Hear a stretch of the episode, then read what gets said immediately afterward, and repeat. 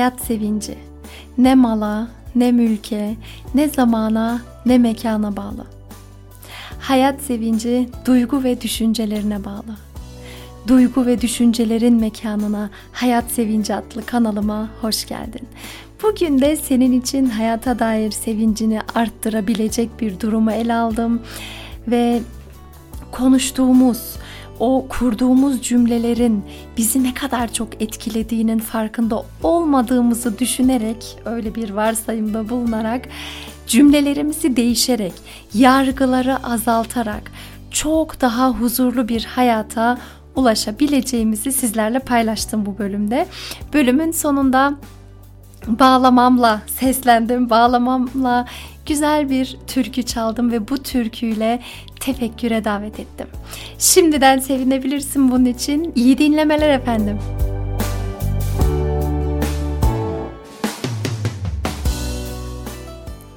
Kesin bu durumlar sana da tanıdık geliyordur. Örneğin bir kafede oturuyorsun. Belki de 3-5 kişi oturuyorsunuz ve biriniz arkada etraftaki insanlara dikkatli bakıyor, izliyor ve diyor ki şunlara bak ya bir araya gelmişler ama herkes kendi telefonunda ya da şunlara bak güya bir araya gelmişler ama hepsi de fotoğraf çekme derdinde.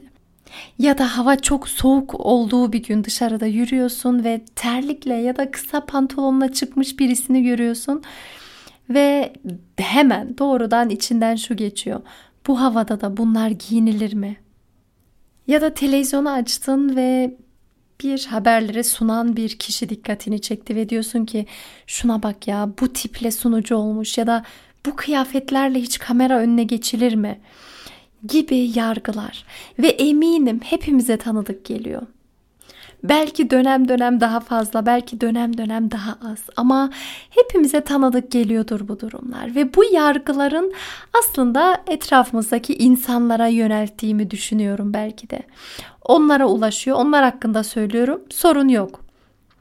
Ama bu yargılar başkalarına olsa bile beni ne kadar çok etkilediğinin farkında değiliz çoğu zaman. Bir kere bilinçaltımız bir suçlamayı, bir yargıyı, bir affetmemeyi ben kendime mi söylüyorum yoksa başkalarına mı yöneltiyorum? Bunu fark etmiyor bilinç. Bilinçaltımızın zamanı yok, kişisi yok ve her şey için geçerli oluyor. O içimde benim gerçeğim haline dönüşüyor. Ve olur da bir gün gelir sen de sunuculuk yapma imkanı bulursun. Çok böyle uzaklara gitmemize gerek yok. Hadi sunuculuk değil de diyelim ki bir Instagram, Facebook hesabın var ve bu hesapta videolar paylaşmaya karar veriyorsun. Ve bu videoları paylaşmak istiyorsun ama bir şey seni bundan alıkoyuyor.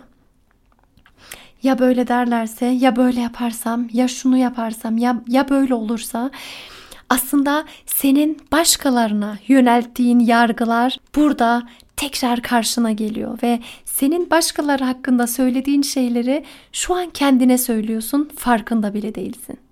Ve bir şeyler beni engelliyorsa e, yapabildiğim güzel şeyleri yapmaya veya insanlara faydalı olmak uğruna yola çıkmaya kendi inandığım cümleler oluyor, otomatik gelen düşünceler oluyor ve bu oluşturduğum yargılar oluyor. Ama ben başka sunucuları mesela gördüğümde tabii ki doğal olarak içten içe bir ses mutlaka vardır. Benim de bir düşüncem, bir zevkim vardır belki. Ama yargılamadan da bunu dile getirebilirim. Mesela bana yazılıyor neden benim kocam bu kadar manyak olmalıydı hocam? Neden ben gelip de bu böyle bir adamla evlendim anlayamıyorum şeklinde. Hatta affedersiniz pislik ben neden bu pislikle evlendim diyen oldu ya da çocuğum neden bu kadar beceriksiz? Ben çocuğuma bu kadar imkan veriyorum. Beceriksizin teki gibi ya da arkadaşım neden bana yalan söylüyor? Neden bana sadık değil? Neden gidiyor başkalarıyla görüşüyor? Beni hiç düşünmüyor, beni çağırmıyor gibi yargılar geliyor neticede bu sektörde çalışınca.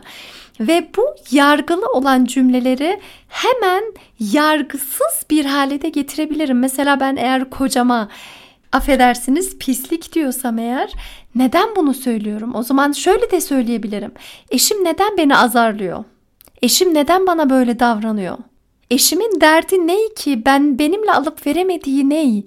Bu şekilde de cümleyi kurabilirim. Ben ona suçlayıcı bir şey söylemek zorunda değilim.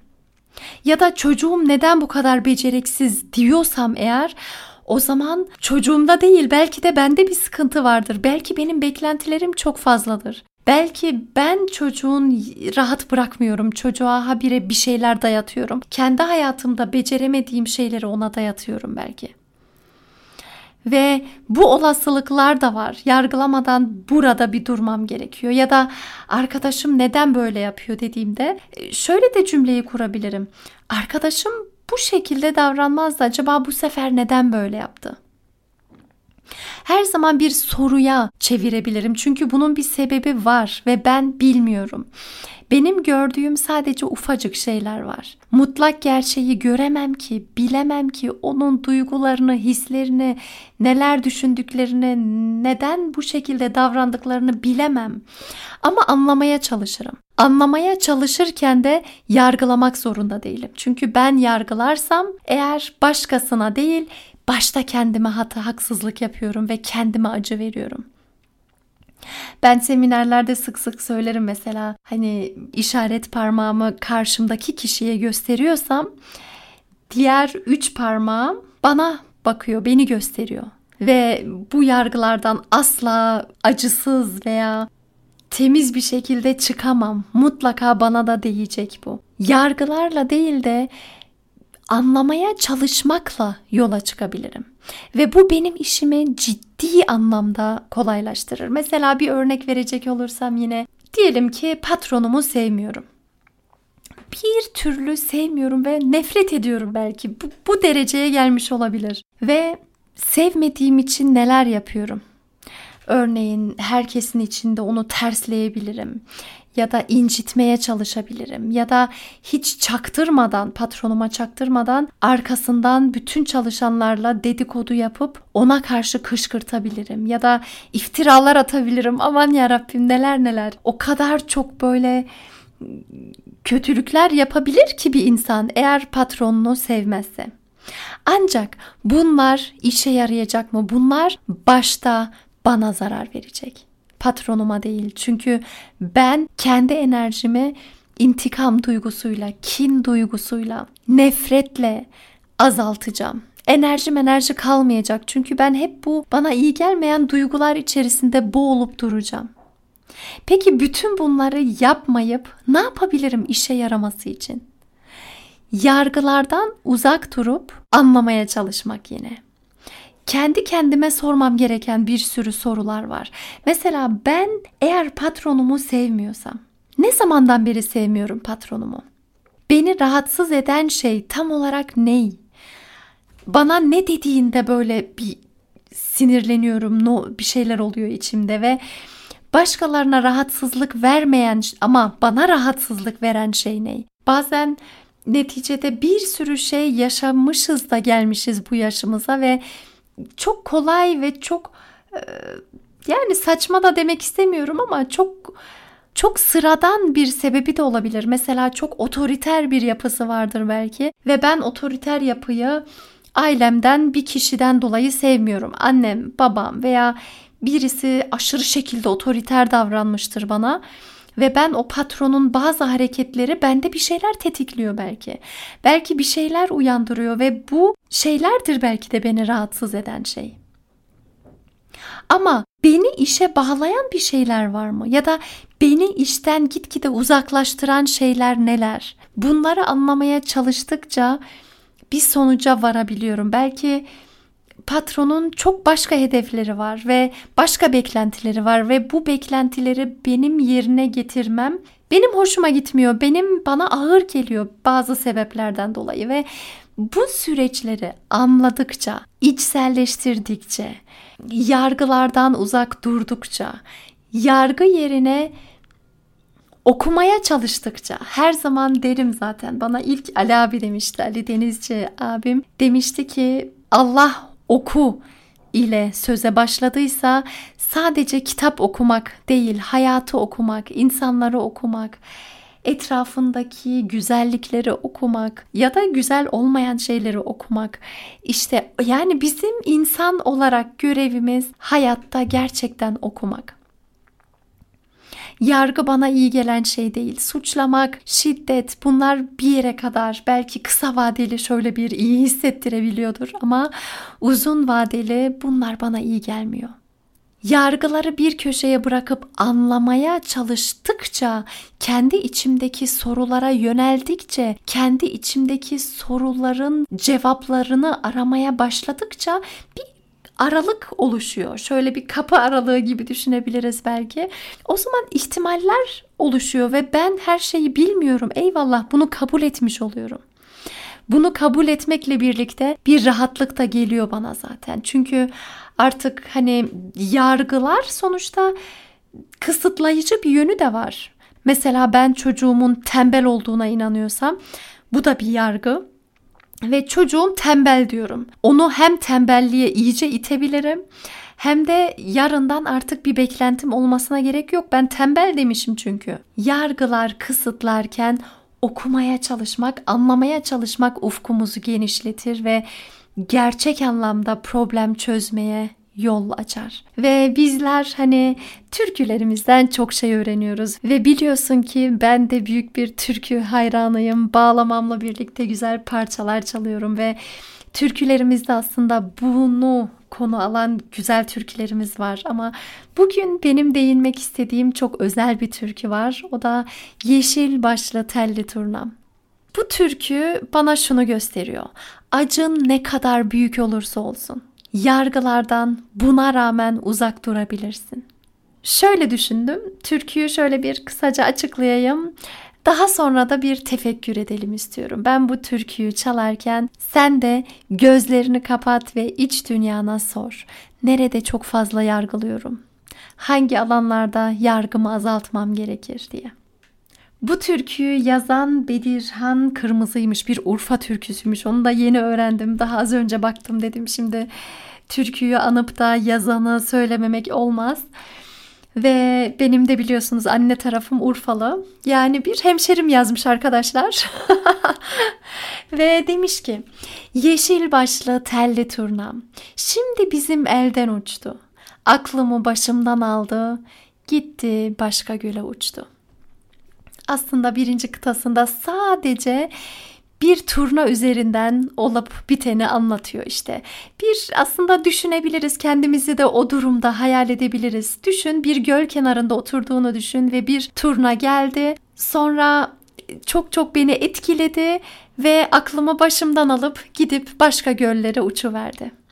Şimdi ikinci kıtada asıl bu kişinin derdini anlıyoruz. Diyor ki bir yar sevdiğim içerimden Kan damlıyor gözlerimden. Nazlı yar gitti elimden. O da gurbet ele düştü. Demek oluyor ki hani insanlar sonuçta iç dünyasında ne yaşıyorsa dışarıda gördüklerini de yansıtıyor. iç dünyasını yansıtıyor. Ve bu kişinin demek ki bir derde varmış, bir sevdiği varmış ve o sevdiği kişi de tıpkı az önce gördüğü o turna gibi bunun aklını başından almış, gelmiş, sonra gidip başka bir göle uçtuğu gibi turnanın bu da gurbet ele düşmüş. Durum bu. Durumu anladık şimdi bu ilk iki kıtada. Neticede e, bunu söyleyen kişinin canı yandığını da anlamış oluyoruz ikinci kıtada. Çünkü kan damlıyor gözlerimden diyor. Yani artık gözyaşı değil de kanlar damlıyor gözünden. O kadar acı çekiyor. Peki ne diyor bu yazarımız Bedirhan Bey? Diyor ki sevdiği kişiye yöneltiyor bunu. Dünya kadar olsun malın. Mevlam arttırsın kemalin. Güzel yüzün, mah cemalin, yazık dilden dile düştü. Bir insan senin canını acıttıysa, bir insan sana ümit verdiyse, sana e, güler yüz gösterdiyse, sonra birden yok olup gittiyse, senin neler çektiğinle hiçbir şekilde ilgilenmiyorsa, umursamıyorsa, o zaman sen ona dünya kadar malın olsun der misin? Mevlam arttırsın kemalin der misin? Bunu diyebilmek gerçekten herkese nasip olmaz diye düşünüyorum ben. Bunu diyebiliyorsa insan mutlak anlamda huzur bulabiliyor. Bu sebeple şu an seni davet ediyorum. Gözlerini kapat ve iç dünyana odaklan. Hangi durumlarda yargıyı yoğun kullandığını hatırlıyorsun ve hangi durumlarda bu yargılardan kurtulabilirsin ya da yargılarını hangi cümlelere dönüştürebilirsin? Bak bakalım bu türkü sana neler söylüyor.